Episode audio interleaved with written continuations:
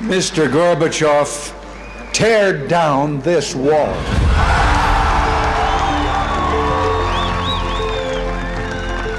Militaire geschiedenis is overal en van iedereen. Je vindt verhalen terug in boeken, films en musea. Hier Radio Oranje. Je kan er urenlang naar kijken en luisteren. Nederland is vrij. Het Duitse leger heeft gecapituleerd.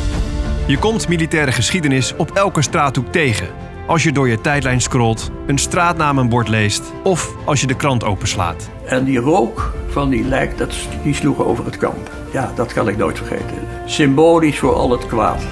In de podcastserie Militaire Geschiedenis van Nederland duiken we in dit verleden. Van de 80-jarige oorlog tot de dag van vandaag.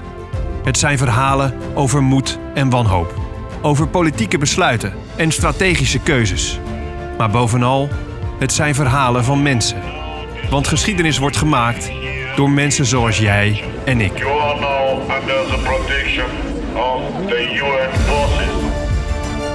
Abonneer je nu op de podcast Militaire Geschiedenis van Nederland in je favoriete podcast-app. En luister binnenkort de eerste afleveringen.